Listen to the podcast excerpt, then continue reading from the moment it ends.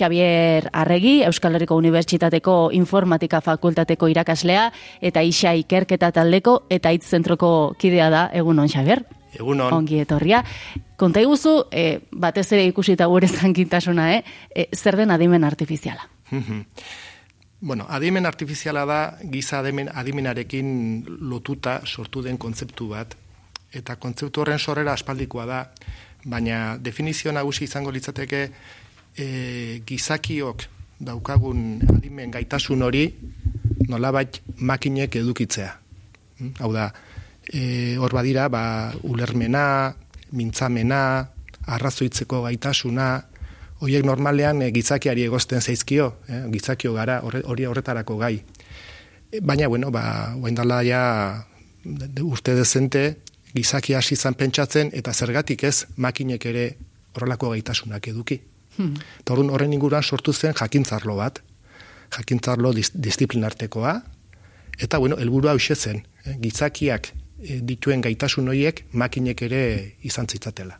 Helburu horrekin sortu zen eh, hasieratik esan nahi dute, bueno, gerora badakigu ez horrelako gauze garatzen diren neurrian ere, behar bada bestelako balio batzuk ere bilatzen zaizkiola, ez? Baina hasierako helburua hori zen? Bai, bueno, niko esango nuke hasierako helburua zientziari eta orokorrean e, aurrerapenari lotutako helburua zela, ezta? Hau da, nola baite gizakia badu berezko zera bat, da, bueno, ba, aurrera egitea, e, gero eta, bueno, ba, jakintza gehiago izatea, eta teknologiaren arloan, bada, kasik e, berezkoa den zerbait, eta da, teknologia gero eta aurreratuagoa, gero eta gaituagoa, gero eta almen handiagokoa egitea, ezta? Orduan, pentsatu behar dugu, orain dela, esan dezagun, ba, mila behatzirun, da, berrogei, berroi tamar, e, amarkadetan ja, adimen artifiziala zitze egiten zan, artean kontzeptu teoriko bazan, ez zeolako, gaitasun teknologikorik praktikara eramateko ba, eredu teoriko hiek, ezta?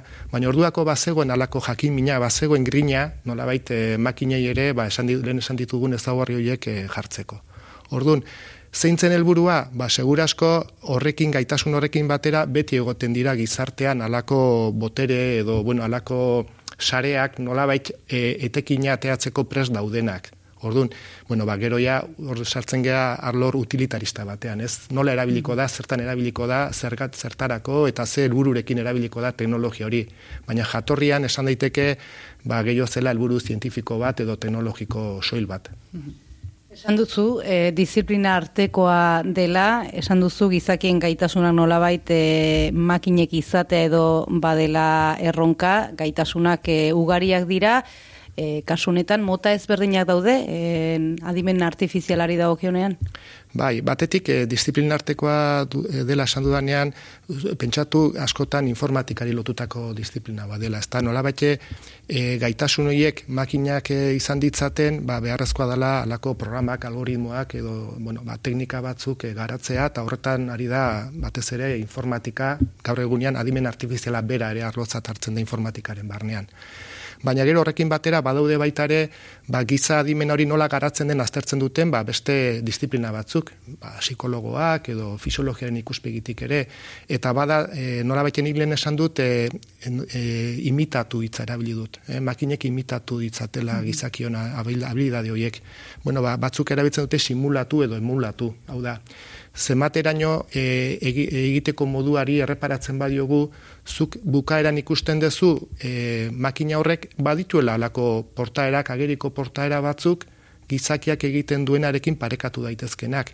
Baina gero egiteko moduari begiratuta, batzuk e, adibidez ba, burmuinaren funtzionamenduari erreparatzen diote eta esaten dute ba, gaur egunko makinen sare neuronaloiek badute lantzik gizakion burmuinarekin, beste algoritmo batzuk, eh, adimen artifiziala egiten duten batzuk, ez dute horren beste igual horretan, horre, ez da horretan orientatuta, ordu norma dira alako bo, desberdintasun ugariak, ez. Eta gero, adimen artifizialaren barruan, segunetan olako arloan e, mugitzen garen, ba, eukidezakeu esate baterako robotika bat. Zeinak, ja, e, fizikoki ere e, erakusten digun, makina bat zenbait kasutan gizakiaren formarekin, orduan ba ja gertutasun hori ere beste modu batera islatzen da, ez da mugikor mugimenduarekin eta bar beste batzuk oso jokuei lotutakoak izan ditezke, beste batzuk eh, erabakiak hartzeko e, laguntza ematen duten sistema dira adituak arlo jakinetan, beste batzuk iragarpenak egiten dituzte, esate baterako ba eguraltze eguraldi egingo duen asmatzeko, edota nizer dakit, ba, igual burtsan e, jokatzen ari direnei, ba, e, bueno, ba, datorken horren berri emateko, Hau da, eta zer esanik ez, e, hori nire arloa ere bada, mm -hmm. ba, izkuntzari lotutako mhm. adimen artifiziala, ez da? Bai, ze horre adibide asko topa daitezke ez, e, azken boladan behar bada gure gana gehiago iritsi direnak, baina edo nola ere adibide asko daude horrez, ere morretan. Bai, hor gertatu dana da, e, izkuntzari lotutako adimen artifizialean, ja, gaur egunean egunero egunero erabiltzen ditugun tresna daudela. Eta gainera, tresna horiek e, praktikoa dira. Oda, gaur egunean itzultzaile automatiko bat ez da gauza nola esango nuke beresi bat edo sofistikatu bat edo ez, ja e, gure eguneroko lanetan eta erabiltzen dugu, ez? Eta e, gertatu zaiguna da itzultzaile automatikoek bezalaxe beste tresna batzuk ere ba ja gure panoraman agertu direla eta estanda moduko bat gertatu da. Orduan, pasagara ikerketa gai bat izatetik eta erabilera aldetik manaiko urria edo izatetik, ba orain momentu hontan oso erabilera zabala, eta eta bueno, ba ohikoa izatera. Ordun, bai, ba e, hor badira tresna asko eta gero eta gehiago ikusiko ditugu, ba ni zer dakit, e, bueno, gaur unean erabiltzen ari gara chat GPT esate baterako ez da ezin hori aipatu gabe segi aurrera, ba hori erabiltzen dugu, ba bueno, ba e, galderak egiteko, baina batez ere testua sortzeko, testua laburtzeko, bueno, en fin, e, eta ikusiko dugu orain hemendik aurrera ere zenbat eta zenbat erabilpen izango dituen.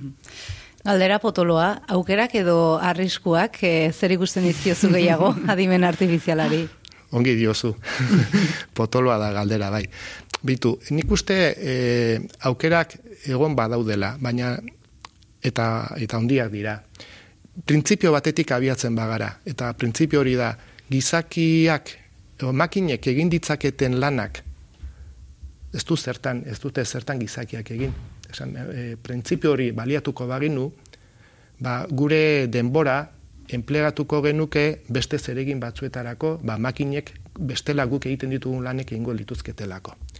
Zer gertatzen da, hori mundu ideal batean, e, beraz, ederra litzateke, eta ba, bueno, ba, alde hortatik teknologiak e, benetan ekarpen ona inguluke gure gizarte hontan. Baina praktikan zer gertatzen da, ba, bueno, ba, hor dago, e, azkenean, tresna hoien e, sorburuan dagoen printzipioa da oso merkantilista, oso merkatuari begirako, e, bueno, e, enpresek sortzen dituzte tresnak, ez da, enpresa erraldoia sortzen dituzte tresnak. Eta gero igual ez dakunduko dugu hortan, baina ni oso keskatutanago, enpresa hoiek ez daukatela inolako kontrol publikorik. Oda, enpresa bati bururatzen zaio tresna bat ateratzea, eta deno dantzan jartzen gaitu. Eta, eta bueno, ez, e, komeni altzan, ez altzan komeni, un momentu altzan, e, nola arautuko da. E, tresna horrek dituen e, kalidade eta bueno, irizpideak bermatuta daude. Hor, amar mila galdera sortzen dira. Ordu nik eskatutanago horren gaineko kontrol publikorik ez dagoelako. Erakundeek, autoridadeik ez daukatelako. Guk gaur egunean, e, arautzen direnean teknologia karpenak esate baterako automobil gintzan, ba, e, guaindik Europan ez da dago, noiz e, debekatuko diren konbusiozko autoak ez da. Mm Hori arautu ina, da merkatu hori arautzera doa. Eta adimen artibizialaren merkatua norka arautzen du. De repente, e, Open AI okurritzen zaio tresna bat ateratzea eta libre da, nahi dun modun, nahi dun bezala ateratzeko, jakinda horrek sekulako astindu eragingo duela, ez da. bueno, orduan, hori ez da eztabaida berez esango genduke kakotzen artean tekniko bat, baina noski, e, zuek hasieran esan duzen bezala, adimen artifizialak e, ba, gure bizi modua aldatzeko gaitasuna badu, eta beraz aldatuko du, eta horren gaineko kontrol mekanismoak eta eta agendak eta abar ba, e, horiek pentsatu beharko lirateke ondo. Gero badago beste alderdi bat eta da e, teknologia e, ez da neutroa, beraz e, bueno, ba, hor, e, teknologia horren izaerak ere kezkandia eragiten du eta bada hirugarren faktore bat ni beintzat e, kezkatzen hauena eta gu bueno ba isan eta hitz e, zentroan kezkatzen gaituena eta da non geratzen diren euskara bezalako hizkuntzak e, uolde honetan, ezta?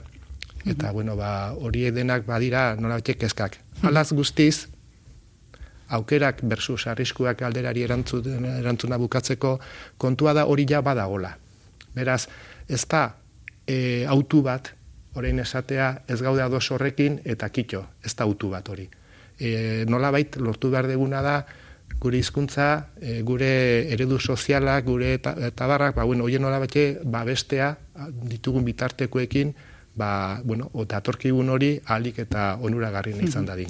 Helduko diogu e, jarraituko diogu berehala ari horri e, neko geneukelako baikor izan kasu honetan eta bueno, e, izan ditzazken gabezien aurrean e, aukerei erreparatu nahiko geniokelako datozen minutuetan adimen artifizialen garatze horrek eta hori baliatuta tresnain interesgarri askoak jarri dituelako martxan besteak beste eluia hartaldeak. Josu Asteria dugu gurekin, egun on Josu. Agunon. Bueno, orai markaren koordinatzailea zarazu, zer da orai? Bueno, orai e, Luiar Fundazioaren e, langune teknologikoa da, adimen artifizialean e, e, zentratutakoa. Eta adimen artifizialean e, ba, genituen e, erronkei e, erantzuteko ba, erabaki genuen e, jauzi kualitatibo eta estrategiko bat egitea, eta horregatik e, sortu genuen e, orai baren dela urte bete. Eta horrek ez du esan, bai. bai. Bai, horrek ez du esan nahi, e, e, horrek ez du esan nahi horren dela urte bete garabiltzala mm lorronetan. E, itz zentroa bezala xe, bai, hau gehi, hoi urte izango dira izkuntza teknologietan e, gabiltzala. Baina, bueno, ba, eskarmentu guzti horrekin eta eta adimen artifiziaran olatuak e, zekartzan e, e, bueno, aukere, aukerak ba, hobe baliatzeko ba. Orai, sortu dugu.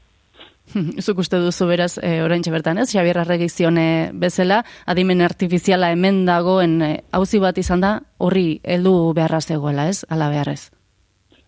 Ba, ala beharrez, ala beharrez heldu hartzaio, em, herri bezala, da askotan, em, bueno, ipatzen dugu ez, iru, iru, iru ikuspegitatik, ez, batetik ikuspegi zientifiko-teknologiko batetik, alor horretako gaitasun teknologikoak eta ezagutza barneratu behar dugulako, ezin geralako e, multinazional eta korporazio handien e, e, menpe egon, eta, eta bueno, e, adimen artifiziala momentu ontan gainera geopolitika hauzi garantitxu bada. E, bigarrenik, e, bueno, ba, adimen artifizialak izan ditzaken eta dituen impactuen gatik, ez, impactu ekonomikoak, sozialak eta alor askotakoak eta gero bestetik ba hizkuntzetan e, duen e, aktuagatik eta euskararen kasuan e, nabarmena da ez. ba hiru alderdi hoietatik ba ba bueno herri apostu bazan eta eta guk horri heldu heldu nahi izan diogu ba gure gure baliabietatik pentsat. Eta martxan da modunetan orai, ez zer egiten duzue zehazki orain? Orain e, izkuntzaren e, prozesamendu automatikoan e, gabiltza, mm hau da makinei, e, izkuntza ulertzen eta hizkuntza sortzen e, laguntzen diegu. Eh? E, adimen artifizialean beste bi alor garrantzitsu ere baude, ba, robotikarekin lotutakoa eta beste ikusmenarekin, erugarrena da ba, e, izkuntzaren prozesamendu automatiko momentu hontan ba, garrantzi handia duen. Ez da gurea, adimen artifizialean gabiltza, baino alor horretan e, espezializatuta. Bai? Eta, bueno, iker lerro desberdinak baitugu baizkuntza eredu neuronalak, zulpen automatikoak, laguntzagi adimentsuak, izketaren errekonozimendua, izketaren sintesia, zeintza sistemak, hori izan daitezke nola baite, momentu hontan e, lantzen ditugu e, proiektu eta jarduera nagusiak. Bai apur bat eh, sakonduz, eh, akaso azalpen teknikoak eh, guztientzat ez dira, ez dira errazak izango, baino LP teknologia erabiltzen duzue, eh, zer da hau? NLP, NLP, bai, NLP. Bai. bai, Natural Language Processing da, bai, bai, izkuntzen prozesamendu automatikoa, eh, esan dezagun, bai. Ba, nola baita, esan duan bezala, ba, izkuntze, izkun, eh, makinei, ba, izkuntze irakatsi eta izkuntze sortzeko, ba, gaitasunak ematen dizkiogu, bai. Orain arte, e, bi, bi orain arte estrategia bat izan da nagusia lor honetan, bai? Ba, makinari hizkuntza bera irakasten zitzaion, bai? Erregelen bidez, iztegien bidez, e, gramatiken bidez, bai? Xetasun ahondiko eta baliabe ahondiko lanak. Gaur egun aldiz, ikasketa sakonaren bidez, ikasketa automatikoaren bidez, hizkuntza eredu neuronal handien bidez, makinek adibiden, adibiden bitartez ikasten dute, bai? Eta algoritmoek, ba, adibideetatik ikasi, eta hizkuntza sortu eta hizkuntza ulertzeko gai dira, bai? Eta bilatzaileak ba adibidez ba hizkuntza ulertzeko gaitasuna daukate. edo itzulpen automatikoak adibidez hizkuntza ulertzeko eta hizkuntza sortzeko gaitasuna du, bai. Nolabait guk gizakiok hizkuntza sortzeko ditu, ditugun gaitasun horiek, ba, ba makinek, makinek simulatzen edo mulatzen dituzte. Xabiarrek esaten zuen, esaten zuen bezala. Bai? E, Lentxago aipatu duzu, e, Josu, herri apustu edo, ez, e, horrela plantatzen duzen utela bere momentuan e, oirei markaren e, sorrera, beharrezkoa du Euskal Herriak, e, Euskal Herriak bere horretan, e, adimen artifizialaren e, ere honetan sakontzea edo aurrera egitea? Bere lekua bai, egitea, bai, azken. Bai, ezinbestekoa du, ja, gainean, gainean daukagulako, eta ezinbestekoa du, ba, hemen, e, ekosistema zientifiko-teknologiko indartsu bat eukitzea. Badauka, baina nik uste dute hori indartzeko ba, baldintza ezin hobiak ditugula, eta eta zehaztuko nuke e, are gehiago ba, izkuntzaren e, mhm. esparruan, ez da? E, eman dituen arrazoien gatik batetik, ba, impactu ekonomiko handi bat duelako, bai, baina bestetik, ba, gure gure hizkuntzaren eta gure ba, ez, izatearen, e, nortasunaren, ba, etorkizunarekin bada oso oso oso loturik dagoelako, ez? Eta horregatik esaten nuen, ez? Alderdi guztiak eh, harrapatzen dituen e, olatu bada eta eta ondo ondo heldu hartzaio eta uste du badugula gaitasun teknologiko eta gaitasun zientifiko nahikoa herri honetan, ez? E, izentroa dago, orai dago, e, bikontek dago, teknalia dago, e, ba, ditugu e, ametsa gaina dago, baditugu oso metro karratu gutxitan sekulako ekosistema. Eta horri, ba, forma egoki bat emanez gero, ba, nik uste e, punta-puntako ba, herria izan gaitezkela, alor honetan. Hor, e, begiraritu gara, e, orain martxan jarri izan duteneko e, ekitaldi hartan aipatu zenutena, eta bertan zenioten hain justu ez, eremu eleaz aniztunetan komunikazioa ez da dila oztopo bat izan, ze horrok ere banaiz, Euskararekin ez ezik, beste hizkuntza batzuekin ere ari zarete lanean, ez? Ba, euskeraz gain, e, bueno, gaztelaniarekin, e, frantzesarekin, ingelesarekin, katalanarekin, galegoarekin. Bai, azkenean, e, geroz eta ere mu elean iztunetan e, bizi gara, eta, bueno, e, ongi kudeatu behar dugu ingurune hori, ez da? Enpresak ere, ez dute izkuntza baten bakarrik lan egiten, izkuntza askotan lan egiten dute, ez da?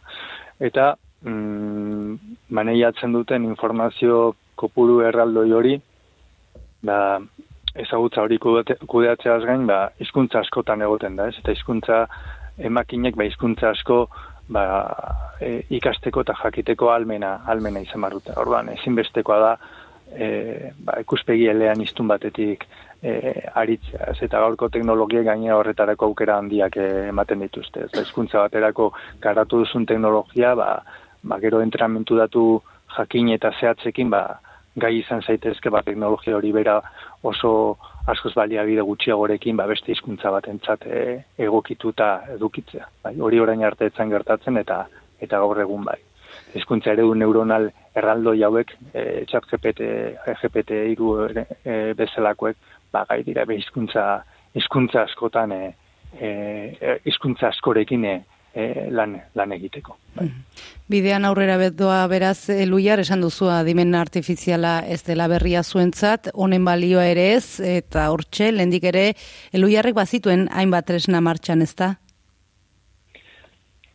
Bai, bueno, eluiarrenek, eluiarrek eh, merkaturatzen dituen, eh, ez momentu honetan eh, ezagunenak, ba, elia da, itzultzaile automatikoa, zeizkuntza ezberdinetan. Mm funtzionatzen duena aditu aditu plataforma transkripzio sistema bat. Transkripzio sistema bat da joan dena joan dena astean e, aurkezpen bat egin genuen justu ameka telebistarekin ba aditu sistema ba bere e, e, fluxuan e, e, aurkeztu or, e, txertatu txertatu lako prozesu fluxuan. Eta gero ba orain dela gutxizketaren sintesi neuronala e, aurkeztu dugu e, nola baite saren neuronalen bidez baizketaren sintesiko e, teknologia eskuratu dugulako. Ez eta hemen adibidez ba, aurreatu dezaket e, ba naiz erretiarekin ere badugula proiektu bat honen honen inguruan. e, Josu bukatze aldera, eh? E, ze biztan da egitekoak asko direla, e, jakintza arlo hau edo nola ere garatzeko eta gurera ekartzeko, nortzuk e, osatzen duzu, eh? Orai, gaur garkoz? Ba, hogei laguneko taldea gara momentu hontan, amabost ikertzaile eta garatzailerekin eta beste bost e, bosteko ekipoa nolabait ba zeharkako eta negozio garapenarekin da pertsonen kudeaketako lotutako lanekin eta bueno, hogei hogei laguneko taldeak gehienak e, ingenieriak uneko berroia doktorea da eta bueno, goi mailako espezializazio handiko e, lantaldea eta bueno, ba, lorronek hori eskatzen duelako, ez da, e, oso exigentea da, e, oso egunen egon beharra dago, eta, eta bueno, zorionez ba, oso talde hona daukagu, gazte asko sartu dira oso, oso prestatuak, eta oso, oso pozi gabe taldearekin egia zen. Lantalde ederra beraz, e, finantzaketa bete izaten da erronka edo zein proiekturentzat, kasunetan ere ala izango da ezta? Bai, gure finantzak eta bi, bi adar ditu batetik finantzak eta publikoa, nola diro laguntza lehiak horretan aurkezten ditugu funtsezko ikerketa proiektuak, ikerketa aplikatuko proiektuak, eta, bueno, ba, lehiatu behar da, ba, zentro teknologiko hundiekin, bai. Eta, bueno, hori ere bazan, eh, ora, orain sortzearen e, asmoa, bai, espezializazio hundiago bat e, lortzekoa. Eta gero besteak salmentak dira, bai, ba, enpresentzat, e, erakundeentzat egiten ditugun, em, beraria egiten ditugun proiektu, proiektu teknologikoak. Eta, bueno, ba, lau esparru ditugu alor horretan, eh? E, nola baite kulturi industriarekin lotutakoa, edabideak, eta eta antzeko e, enpresak, fabrikazio aurreratuko enpresak, e, gero, bueno, enpresa hundiak, ba, nola bezero eta hundiak manegatzen dituztenak, e-commerce alborrekoak, eta laguarna izango liateke, ba, nola bait, gobernantza digitala eta gobernu aurreratua ba, aplikatu nahi duten erakunde, erakunde publikoak. Bai. Ba, Josu Astiria, e, orai, barkako koordinatzailea eskertzen dizugu izugarri, e, mono, ba, markaren e, barrunbe guztia guri ekartzegatik eskerrik asko bideo egin. Zuei, eskerrik asko, ester arte. Laizter arte. Bueno, Xabier Arregikin ari gara izketan, isa taldeko kidea da bera, itz zentruko kidea ere bai. E, Xabier, zuri interesgarriak zeizkizu, elu jarrek, elu jarrek zabaldu duen bidea, hau edo tankera honetako proiektuak? Oso, oso interesgarria.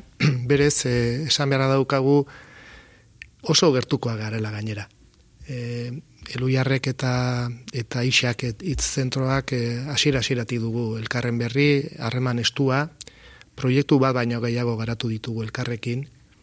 Eta lehen eh, Josuk aipatu du ba hor hemen badala ekosistema bat eh oraindik eta hobeto egituratu daitekena eta altxoago izan daitekena bueno ba ekosistema horren parte gara, gara Eta, bueno, ba, ba guaindik guain aurkeztu dugu proiektu bat ere, ba, bueno, ba, elkarren artean mamituta, eta barrez, beraz, guk eh, oraik egiten duenaren berri oso oso gertutik jarraitzen dugu, eta nik esango nuke alderantziz ere oraik baduela e, hitz zentroan egiten dugunaren berri oso modu estuan.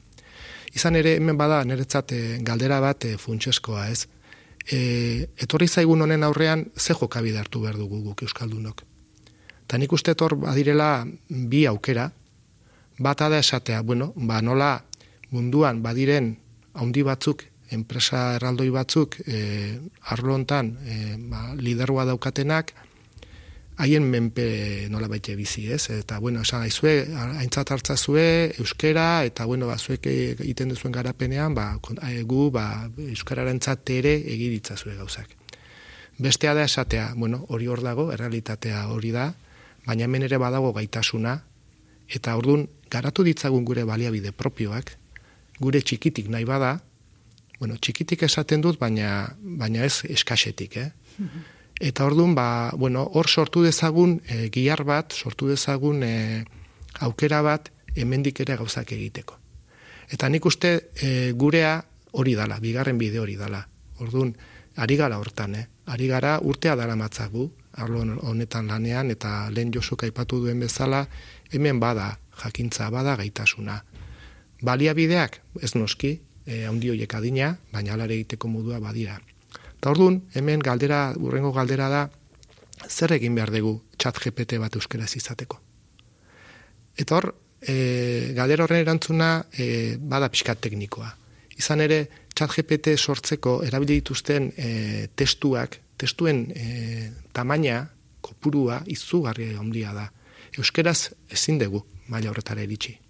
Orduan, e, bide antzua litzateke e, haiek egit duten molde berean gu ere saiatzea. Jakina, teknologiaren e, berrikuntza nagusiak eta e, gainean egon behar dugu, baina baita ere bilatu behar ditugu modu berriak, modu diferenteak. Hainbeste baliabide eukigabe ere, e, e, errendimendu aldetik maila hori lortzeko. Eta horrek eskatzen du ikertzea, horrek eskatzen du gauza berriak asmatzea. Eta horreta horretarako irutzen zaigu beharrezkoa dela, ba, orokorrean hemen erakunden aldetik, eta, bueno, ba, arlo horrentan gabiltzaren aldetik, ba, egotea alako politika garbi bat, nun inbertitu behar den ikerkuntzan, eta iker, ikertzen den horretatik gero transferentzia bidez, ba, produktuak eta gizartare begirako tresnak ere eskainiko diren uste dut ikuspegi hori behar beharrezko badala ze bestela morrontza teknologikora eh, kondenatuta ongo ginateke. Elduko diogu horri zaipatu duzu ez, em, neurri batean eta bueno, gure txikitasunean, baina ari garela, ez da ere monetan eh, aurrera egiten, eta jarri nahiko genioke, ez? askotan badirudi, eh, adimen artifiziala zari garenean gauza abstraktu ez ari garela, baina adibide praktikoak ere egon badaude, oso gertuko zaizkigunak, eta adibidez, elbu jarreko Josu Astiriak asaldu digune horri guztiari lotuta, ba maika telebistak ere garatu du eremu horretan, eta baliatu du adimen artifiziala horretarako, gurekin dugu, amaika telebistako digitalizazio arduraduna maili motxales egunon. Egunon. Bueno, zuek baliatu duzu elu garatutako orain marka hau, zer da zehazki egin duzuena? Bai, bueno, eh, eskenien nahi izan dugu adimen artifizialak ematen dituen aukeren baitan eta gure baliabideak txikiak direla ere kontutan harturik, ba behintzat e, abia puntu bezala e, webgunean ere eskintzia albisteetan e, azpidatziak, azpidatzi automatikoak. E, oso denbora laburrean egiteko gaitasuna daukana, eta orban bere alako eskaintza bat dena ez, guk e, bideo bat igotzen dugu egunera, eta momentu beran e, igotzen dugu azpidatzi horiekin. Eria da ezin dugu lan momentuz bideo guztietan eta eta formato guztietan eskaini, baina, bueno, eskaintzen dugu aukera, e, bintza talbizte laburretan, ba, azpidatziak euskaraz e, edukializateko momentuan. Hmm. Hori da, e, on, ondo ulertu baldin badugu, e, bideoa ikusten ari garen momentu berean, aukera du, e, ikusten ari den horrek, e, azpitutuluetan edo nola baitere esaten den hori, euskaraz transkribatuta ikusteko, ez? Hori da, hmm. bai, bai, e, prinsipioz, e, ofa duten albiste guztietan, automatikoki agertuko zaio jendari azpidatzea, gero egin dezakena da ezkutatu, nahiko balu. Baina bai, agertuko zaia. Zein garrantzia zuen e, zuentzat bide hau hartzeak, zergatik egin apustu hau e, azpitituluak euskaraz idazteko? Bueno, e, oinarrian e, genuena zen irizgarritasuna, irizgarritasunan pauso bat emate aurrera. Eta eskenializatea ba, entzuteko arazoak dituzten alde batetik, baina baita euskara ikasten ari direnei tresna bat eta buruan e, izan dugu hori ba, maika sortu zenetik, baina orain arte edo teknologia hau garatu garapen maila ontara iritsi arte ezinezko izan zaigu. Hori hmm. momentu kotasunak eta albizten beralako tasunak daukan muga gainditzeko zegoen eta eta beste kontu batzuk, ezta?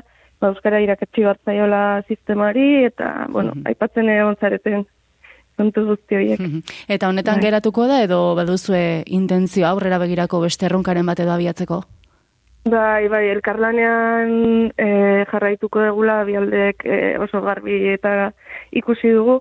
E, nahiko genukena da beste formato batzuetan ere, ba, berdina eskenializatea ikusentzulei, eta zergaitik ez aurrera begira, ba, e, telebistako zuzenekotan ere, ba, saiakera saiakera egitea. Mm -hmm. demora pixka bat gehiago beharko du, azpiegitura eta komplexuagoak direlako telebistan, baina baina bai, hori dugu pixka bat e, iparrorrat. Eta zuen esperientziatik eta bukatzeko, eh? Mai, uste duzu e, adimen artifiziala eta, bueno, kasu honetan edabideak, eskutik helduta joan behar direla? E, bai, ezin bestean. E, azkenean tresna oso interesgarriak dira, e, erraztasun asko ematen dituztenak, eta beste modu batera ezinezko izango litzai gukena, ba, eskaintzea zerbitzu, zerbitzu goiak ez, irisgarritasunean pausak ematea, eta eta euskerari karpena hortik ere egitea. ba, Maili Motxalez, amaika telebistako digitalizazio arduraduna, eskerrik asko garburekin egoteatik. zuei izan. Beno, Euskara e, gakoa izaten ari da, gaur dugun sola saldi honetan, Xabier, e, esan duzu bi aukera daudela, eta guk hartu behar duguna dela Euskaraz e, tresnak sortzea. Horrez dakit badakizuen e, bestelako hizkuntza gutxituak edo ari diren bide horretan, esaterako Katalunia gertu dugu, ari dira tresnak sortzen, ezein da egoera? Bai, bai, ari dira, ari dira tresnak sortzen, ari dira lan egiten, berez, e, guk gertueneko adibideak izango lirateke batetik e, Kataluniakoa eta bestetik e, Galiziakoa.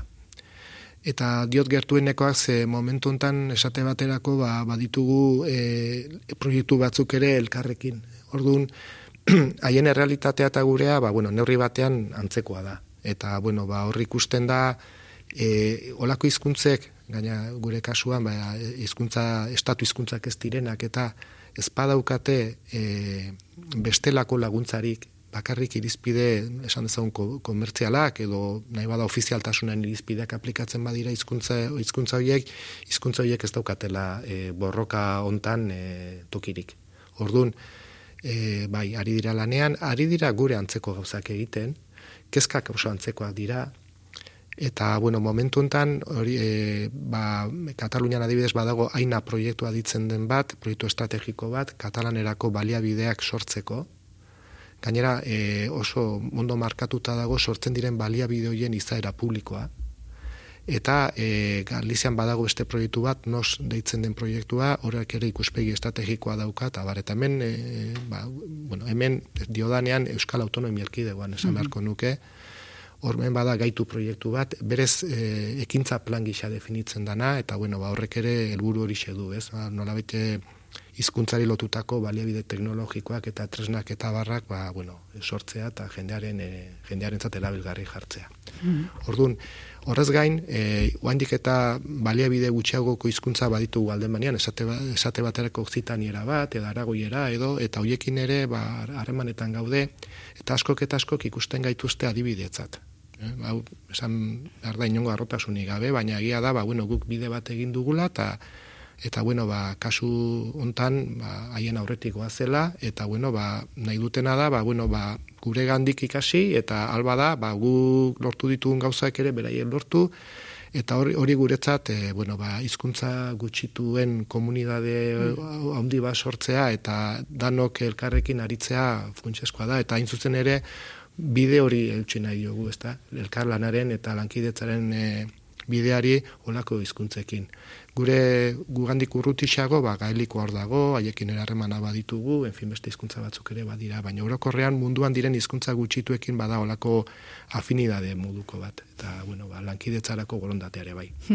e, Lehenkezka saltzen zenuen, e, adimen artifizialak honetan duen kontrol publiko faltagatik edo ez galdetzen zen nuen nork arautu behar duen e, hau guztia, itxuraz ez dago ez dakit intentziorik edo hori arautzeko, ze egia da eta behar bada horretan jarri dugu guk gaur azpimarra ez, e, aplikazio hauek euki ditzaketen ontasun horietan, baina euki, esan nahi dut, tresnaren erabilpen biurrituagoak ere egon daitezke ez, lentsago genion txat GPT delako hori, azken boladan erru zentzuten ari garena, horren erabilera maltzurra ere egin dezake ala nahi duenak.